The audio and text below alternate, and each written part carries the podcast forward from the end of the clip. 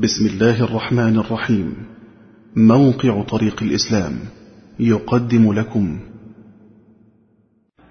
إن الحمد لله نحمده ونستعينه ونستغفره. ونعوذ بالله تعالى من شرور أنفسنا ومن سيئات أعمالنا. من يهده الله فلا مضل له ومن يضلل فلا هادي له. وأشهد أن لا إله إلا الله وحده لا شريك له. وأشهد أن نبينا محمدا عبده ورسوله. يا أيها الذين آمنوا اتقوا الله حق تقاته ولا تموتن إلا وأنتم مسلمون. يا أيها الناس اتقوا ربكم الذي خلقكم من نفس واحدة وخلق منها زوجها وبث منهما رجالا كثيرا ونساء. واتقوا الله الذي تساءلون به والأرحام. إن الله كان عليكم رقيبا.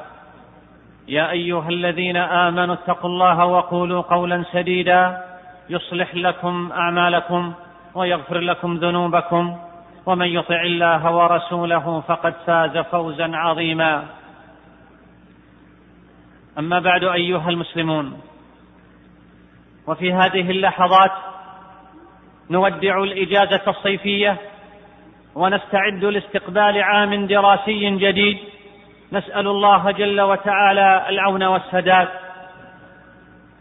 أيها المسلمون وإنه لمن المناسب جدا عند العقلاء وكلكم ذلك الرجل أن يقف لحظة محاسبة مع نفسه كيف مرت به وبأولاده هذه الإجازة يحاول أن يستعيد بدايتها ولحظاتها وحتى نهايتها كيف ذهبت؟ وبماذا صرفت أوقاتها؟ وما هي ثمراتها ونتائجها؟ وما هي خسائرها وحسراتها؟ إنه ولا بد وفي ختام هذه الإجازة من وقفة محاسبة وتذكر وما يتذكر إلا من ينيب. فمن غفل عن نفسه تصرمت أوقاته واشتدت عليه حسراته لا بد من وقفة صادقة مع النفس في محاسبة جادة ومساءلة دقيقة في مثل هذه اللحظات فوالله لتموتن كما تنامون ولتبعثن كما تستيقظون ولتجزون بما كنتم تعملون. هل الأعمار إلا أعوام؟ وهل الأعوام إلا أيام؟ وهل الأيام إلا أنفاس؟ وإن عمرا ينقضي مع الأنفاس لسريع الانصرام. أفلا معتبر بما طوت الأيام من صحائف الماضين وقلبت الليالي من سجلات السابقين وما أذهبت المنايا من أمان المسرفين. كل نفس من أنفاس العمر معدود يا عبد الله وإضاعة هذا ليس بعده خسارة في الوجود. يوم تجد كل نفس ما عملت من خير محضرا وما عملت من سوء. تود لو أن بينها وبينه أمدا بعيدا. أيها المسلمون إن الدنيا إن الدنيا تبكي ضاحكا وتضحك باكيا وتخيف آمنا وتؤمن خائفا وتفقر غنيا وتغني فقيرا تتقلب بأهلها. لا تبقي أحدا على حال. العيش فيها مذموم والسرور فيها لا يدوم. تغير صفاءها الآفات وتنوبها الفجيعات وتفجع فيها الرزايا وتسوق أهلها المنايا. قد تنكرت معالمها وانهارت عوالمها. لا يعرف حقيقة الدنيا بصفوها واكدارها وزيادتها ونقصانها إلا ذلك الرجل الذي يحاسب نفسه. فمن صف صفي له ومن كدر كدر عليه ومن أحسن في ليله كوفئ في نهاره ومن أحسن في نهاره كوفئ في ليله ومن سره أن تدوم عافيته فليتق الله ربه فالبر لا يبلى والإثم لا ينسى والديان لا يموت وكما تدين تدان.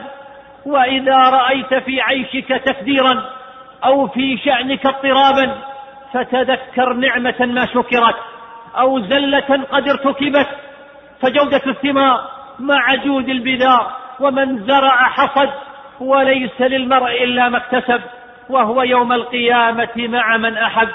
يقول الفضيل بن عياض رحمه الله من عرف أنه عبد لله وراجع إليه فليعلم أنه موقوف ومن علم أنه موقوف فليعلم أنه مسؤول ومن علم أنه مسؤول فليعد لكل سؤال جوابا. قيل يرحمك الله فما الحيلة؟ قال الأمر يسير تحسن فيما بقي يغفر لك ما مضى فإن أسأت فيما بقي أخذت بما مضى وما بقي. أيها المسلمون أيها المسلمون لا بد في هذه الدقائق المتبقية من عمر الإجازة من محاسبة تفض مغاليق الغفلة وتوقظ مشاعر الإقبال على الله. في القلب واللسان والجوارح جميعا من لم يظفر بذلك فحياته كلها والله هموم في هموم وأفكار وغموم وآلام وحسرات. بل إن الله لم يبعث نبيه محمدا صلى الله عليه وسلم إلا بالمهمتين العظيمتين علم الكتاب والحكمة وتزكية النفوس. هو الذي بعث في الأميين رسولا منهم يتلو عليهم آياته. ويزكيهم ويعلمهم الكتاب والحكمة وإن كانوا من قبل لفي ضلال مبين. بل لقد علق الله جل وتعالى فلاح عبده على تزكية نفسه ومحاسبتها وقدم ذلك وقرره بأحد عشر قسما متوالية. اقرأوا إن شئتم وتأملوا. والشمس وضحاها والقمر إذا تلاها والنهار إذا جلاها والليل إذا يغشاها والسماء وما بناها والأرض وما طحاها ونفس وما سواها فألهمها فجورها وتقواها قد أفلح من زكاها وقد خاب من دساها.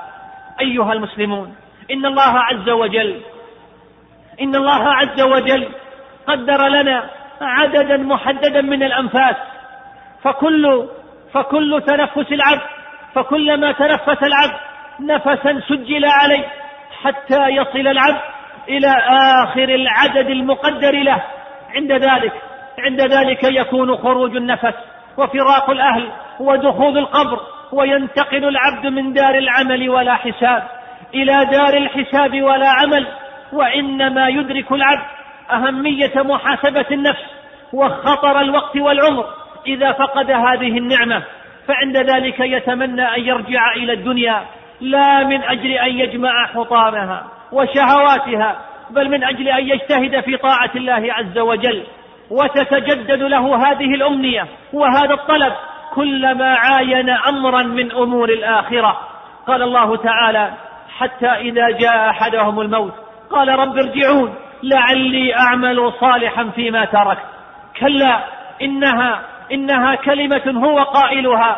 ومن ورائهم برزخ إلى يوم يبعثون. وقال تعالى وأنفقوا مما رزقناكم من قبل أن يأتي أحدكم الموت. فيقول رب لولا أخرتني إلى أجل قريب فأصدق وأكن من الصالحين. ولن يؤخر الله نفسا إذا جاء أجلها. والله خبير بما تعملون. أيها المسلمون إنما الإجازات والعمر والوقت نعمة من الله عز وجل. فمن شكرها بطاعة الله عز وجل وأنفقها في سبيل الله تقول له الملائكة يوم القيامة ادخلوا الجنة بما كنتم تعملون. وتقول له في الجنة كلوا واشربوا هنيئا بما أسلفتم في الأيام الخالية. ومن كفر هذه النعمة وبذلها في معصية الله تعالى تقول له الزبانية ذلكم بما كنتم تفرحون في الأرض بغير الحق وبما كنتم تفرحون. ادخلوا أبواب جهنم خالدين فيها فبئس مثوى المتكبرين. فينبغي على العبد أن يعرف خطر الأوقات واللحظات والإجازات. فأهل الجنة لا يتحسرون على شيء إلا على ساعة مرت عليهم لم يذكروا الله عز وجل فيها. قال رجل لعامر بن عبد قيس قف أكلمك فقال أوقف الشمس.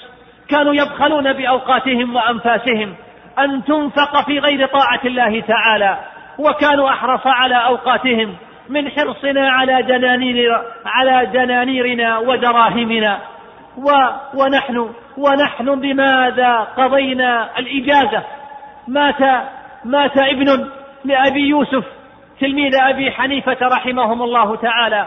فوكل أحد جيرانه في غسله ودفنه لئلا يفوته درس من دروس شيخه أبي حنيفة. ودخلوا على الجنيد عند الموت وهو يصلي. قال الآن تطوى صحيفتي. وقيل لأبي بكر النهشلي رحمه الله وهو في الموت اشرب قليلا من الماء. قال حتى تغرب الشمس.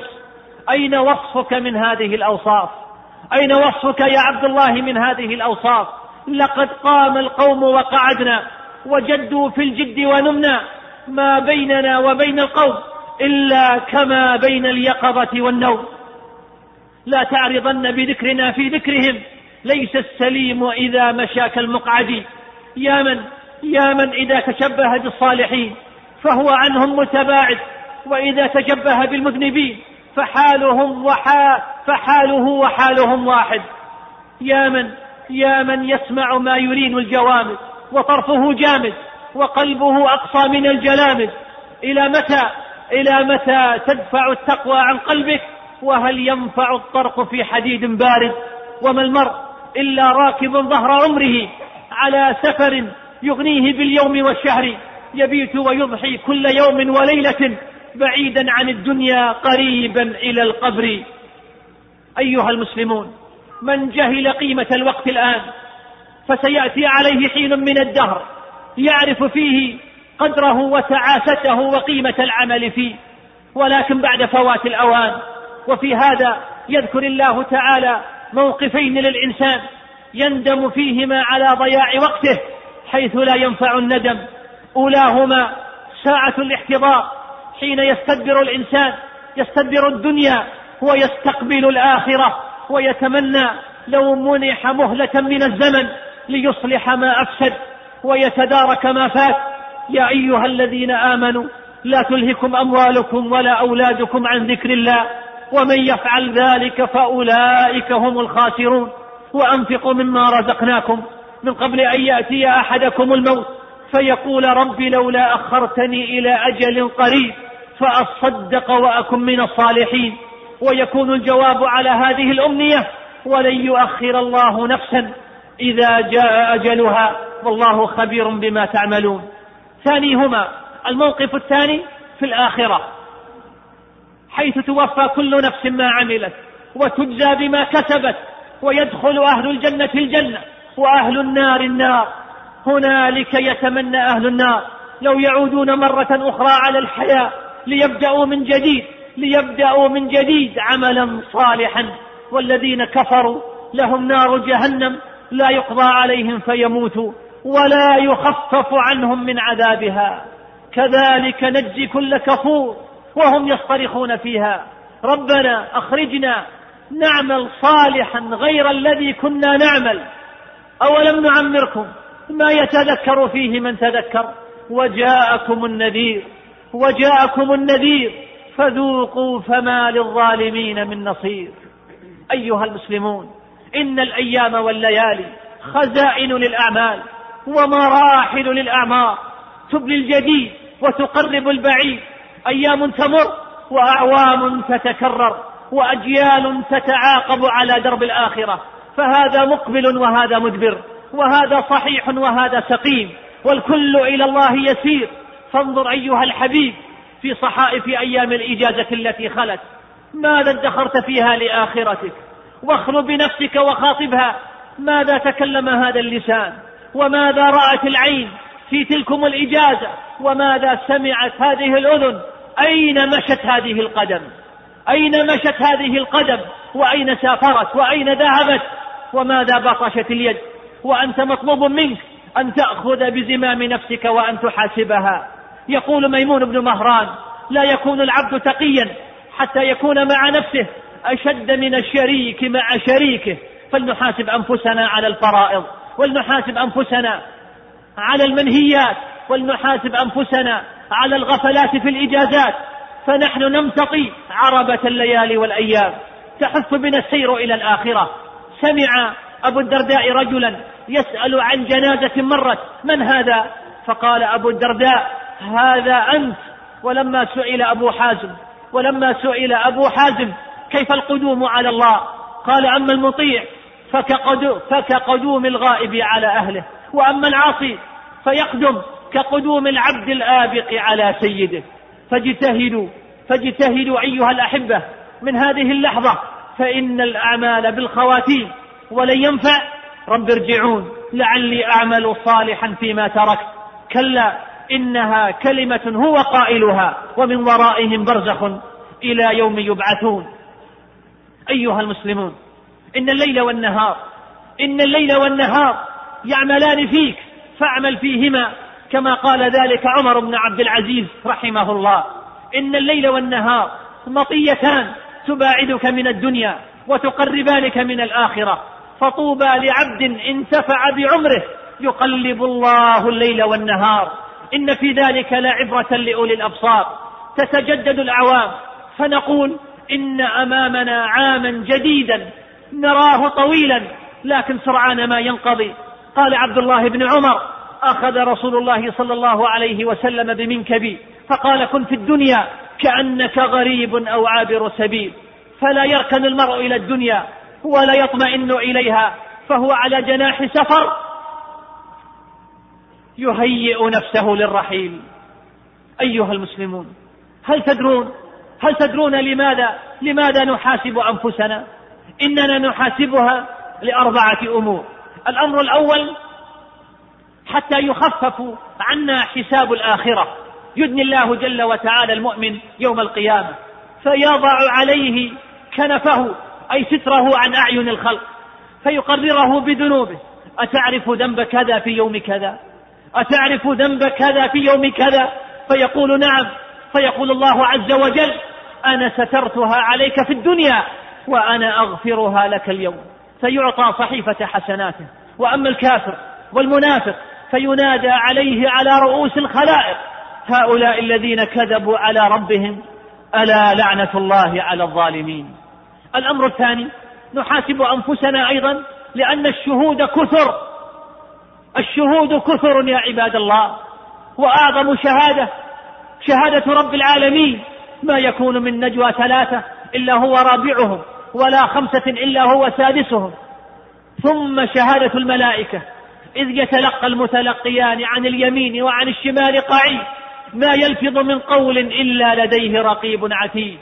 وشهادة الجوارح. اليوم نختم على أفواههم وتكلمنا أيديهم. وتشهد أرجلهم بما كانوا يكسبون بل وشهادة الجلود. وقالوا لجلودهم لما شهدتم علينا؟ قالوا أنطقنا الله الذي أنطق كل شيء. وشهادة هذه الأرض التي تمشي عليها. يومئذ تحدث أخبارها بأن ربك أوحى لها. قالوا يا رسول الله ما أخبارها؟ قال أن تشهد على كل عبد أو أمة بما عمل على ظهرها. تقول عملت كذا وكذا في يوم كذا وكذا. الأمر الثالث الذي من أجله نحاسب أنفسنا هو أن ألد عدو للإنسان هو نفسه. فهي الأمارة بالسوء. كما وصفها خالقها إن النفس لأمارة بالسوء. فما تشتهيه نفسك هو السبيل إلى النار وما تكرهه هو السبيل إلى الجنة. قال صلى الله عليه وسلم حفت الجنة بالمكاره وحفت النار بالشهوات. الأمر الرابع الذي من أجله نحاسب أنفسنا يا عباد الله تأمل تأمل هذه يد المنون تتخطف الأرواح من أجسادها تتخطف الأرواح من أجسادها تتخطفها وهي راقدة في منامها تعاجلها وهي تمشي في طرقاتها تقبضها وهي مكبة على أعمالها تتخطفها وتعاجلها من غير إنذار أو إشعار فإذا جاء أجلهم لا يستأخرون ساعة ولا يستقدمون. ها هو ابن آدم يصبح سليما معافا في صحته وحلته ثم يمسي بين أطباق الثرى قد حيل بينه وبين الأحباب والأصحاب. ويل للأغرار يأمنون الدنيا وهي غرارة ويثقون بها وهي مكارة ويركنون إليها وهي غدارة. فارقهم ما يحبون ورأوا ما يكرهون وحيل بينهم وبين ما يشتهون. ثم جاءهم ما يوعدون ما أغنى عنهم ما كانوا يمتعون. نفعني الله وإياكم بهدي كتابه واتباع سنة نبينا محمد صلى الله عليه وسلم. أقول هذا القول وأستغفر الله لي ولكم فاستغفروه إنه هو الغفور الرحيم. الحمد لله يسر على عبادته بشريعة أبي القاسم وجعل فيها للخير والجود والبر خير المواسم. احمده سبحانه حمد من بات لربه بين تال وذاكر أو ساجد وقائم وأشهد أن لا إله إلا الله وحده لا شريك له فضل ريح المسك عنده خلوف فم الصائم فهو الذي يتولى جزاؤه في يوم تنشر فيه الدواوين وترد فيه المظالم وأشهد أن محمدا عبده ورسوله خير خلقه وصفوة أنبيائه ورسوله إلى الناس كافة عربهم والأعاجم. صلى الله وسلم وبارك عليه وعلى آله وعلى أصحابه ذوي الفضل والجود والجهاد والمكارم. وسلم تسليما كثيرا. أما بعد أيها المسلمون رمضان يوشك أن نستقبل أيامه وننصب خيامه ونطرد عن قلوبنا الملل والسآمة ونعيش الأمل بعتق من النار وبموفور السعادة والكرامة. فما هي إلا أيام يا عباد الله. ما هي إلا أيام قليلة وتظلنا أيام فضيلة ونسائم عليلة تحمل الرحمة والمغفرة والعطايا الجزيلة. بعد أيام ستفتح أبواب الجنان وينادى يا باغي الخير يا باغي الخير أقبل. بعد أيام تغلق أبواب النار وينادى يا باغي الشر أقصر. بعد أيام يعتق في كل ليلة عتقاء من النار وتنشر على الصائمين والقائمين رحمة الرحيم الغفار. بعد أيام ندرك من الله نعمة ما أجلها من نعمة. والله ما أجلها من نعمة. وتيسر لنا فرصة ما أعظمها من فرصة. ألا وهي بلوغ رمضان. تدركه يا عبد الله وأنت آمن في سربك معافى في بدنك عندك قوت يومك فهي نعمة عظيمة ومنة جسيمة. من فاتته فما أعظم خسارته وما أكثر تجارته. نص على ذلك حبيبنا وقرة أعيننا محمد بن عبد الله صلى الله عليه وسلم. إذ قال من أدرك شهر رمضان فلم يغفر له فدخل النار. فأبعده الله قل آمين. فقلت آمين. أيها المسلمون إن من أهم ما يستقبل به الضيف بشاشة الوجه وطلاقة المحيا والسعادة الغامرة بقدومه وانشراح الصدر به وبذل ما يمكن بذله في الاستعداد احتفاء بقدومه وفرحة ببلوغه. وقد قال عليه الصلاة والسلام في الحديث الصحيح من كان يؤمن بالله واليوم الآخر فليكرم ضيفه وما من ضيف ينزل بمسلم أفضل من رمضان فأكرمه يا أخي الحبيب بما يليق به من إكرام. فما يحمله لك من البشائر والعطايا. شيء جزيل. لو أفنيت عمرك كله في نيله فما أنت بمغبون ولا خاسر. هو شهر البركة والرحمة. تحط فيه الخطايا ويستجاب فيه الدعاء. ينظر الرب عز وجل إلى التنافس فيه ويباهي بالمتنافسين فيه الملائكة. فالشقي فالشقي كل شقاء من حرم من حرم رحمة الله ولم يكتب في سجل العتقاء. إن شهر رمضان يا عباد الله يحمل معه الهدايا للطائعين والبشر والخير للناس أجمعين. فهو شهر الطاعات بأنواعها. صيام في النهار وقيام بالليل وتهجد بالأسحار. ترتيل لكتاب الله. وجود على عباد الله وتسبيح وأذكار فهو بحق. سيد الشهور فأهلا فأهلا به ومرحبا.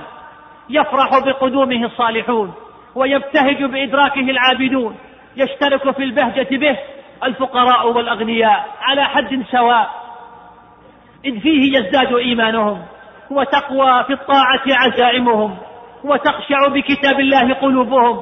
وتجمع تأثرا بآياته عيونهم فيدعون ما يشتهون ويصبرون على ما يكرهون ويترقبون ساعة الفطر فيفرحون بصيامهم وبفطرهم فيؤملون.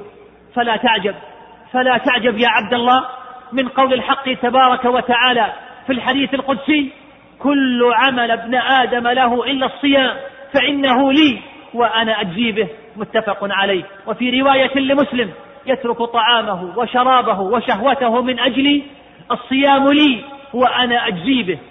فيا مسلم يا عبد الله الملك القدوس السلام يتولى جزاء صيامك ولم يحدد لك من جزائك شيئا وهو الكريم الجواد الرحيم.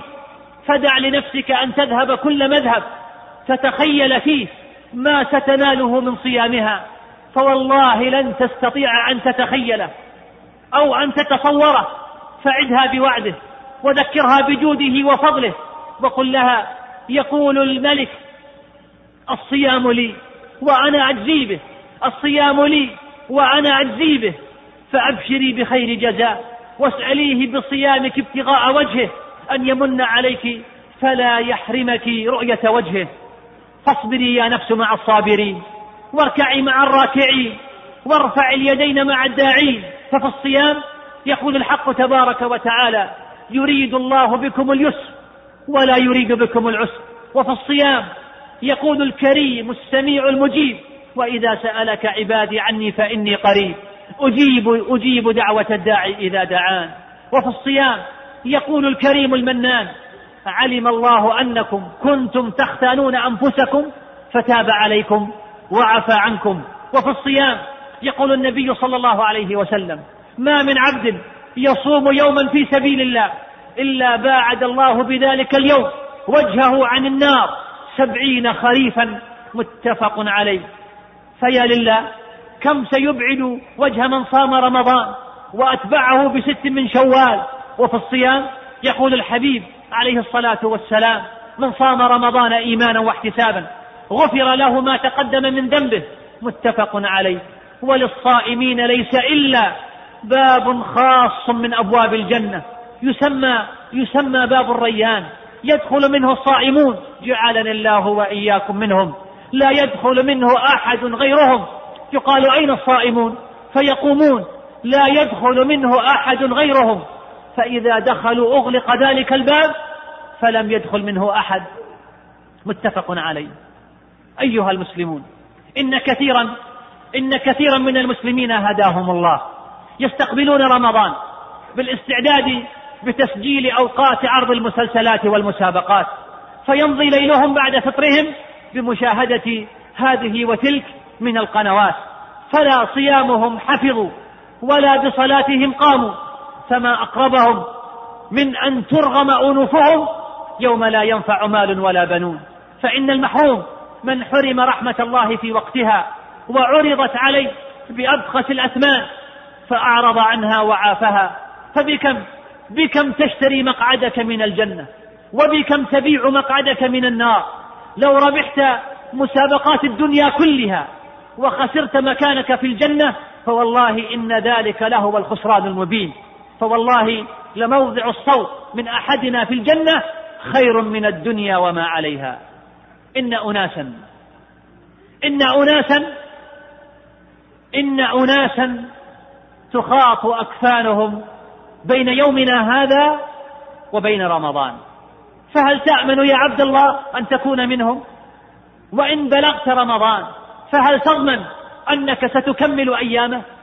أو أنك ستكمل صيامه وقيامه؟ وإن أكملتها فهل تضمن أن تعود إليه عامك القادم؟ وهب أنك أدركت عشرين أو ثلاثين رمضان قادمة.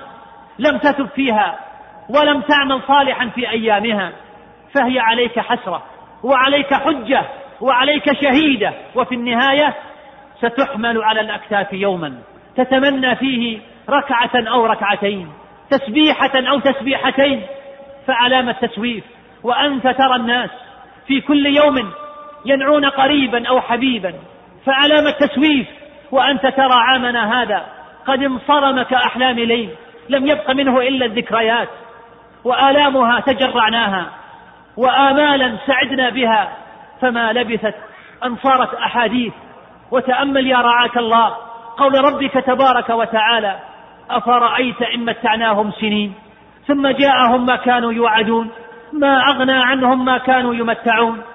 فإذا مد الله أجلك وبلغك رمضان فما عساك فاعل. وما الذي ستملي في أيامه ولياليه على الملكين أغنية وتمثيلية مسابقة وأمسية شعرية.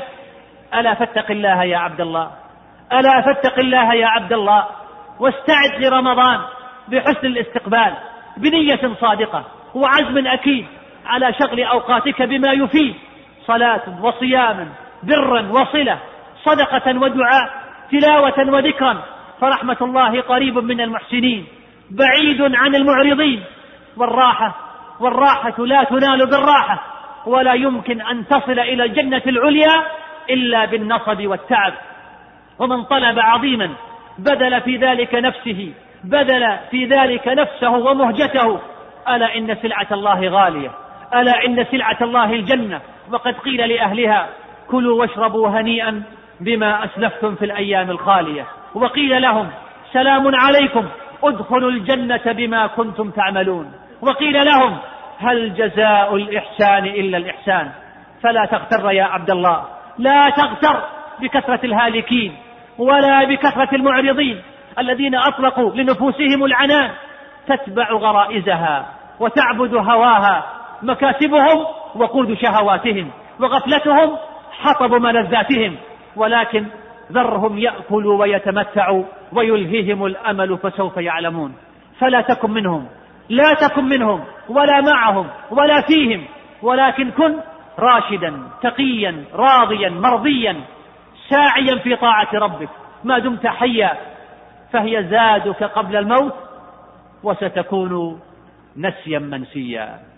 فيا مولانا ويا ذا الحول والطول يا من لا يبدل لديه القول متعنا بما بقي من شعبان.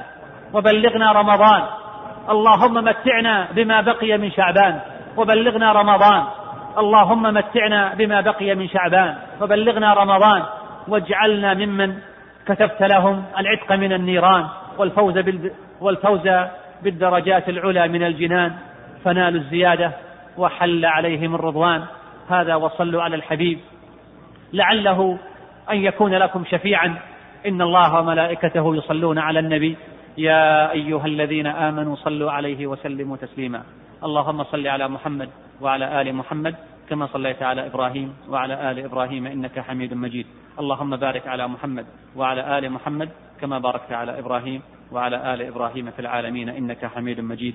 وآخر دعوانا أن الحمد لله رب العالمين. مع تحيات إخوانكم في موقع طريق الإسلام www.islamway.com والسلام عليكم ورحمة الله وبركاته.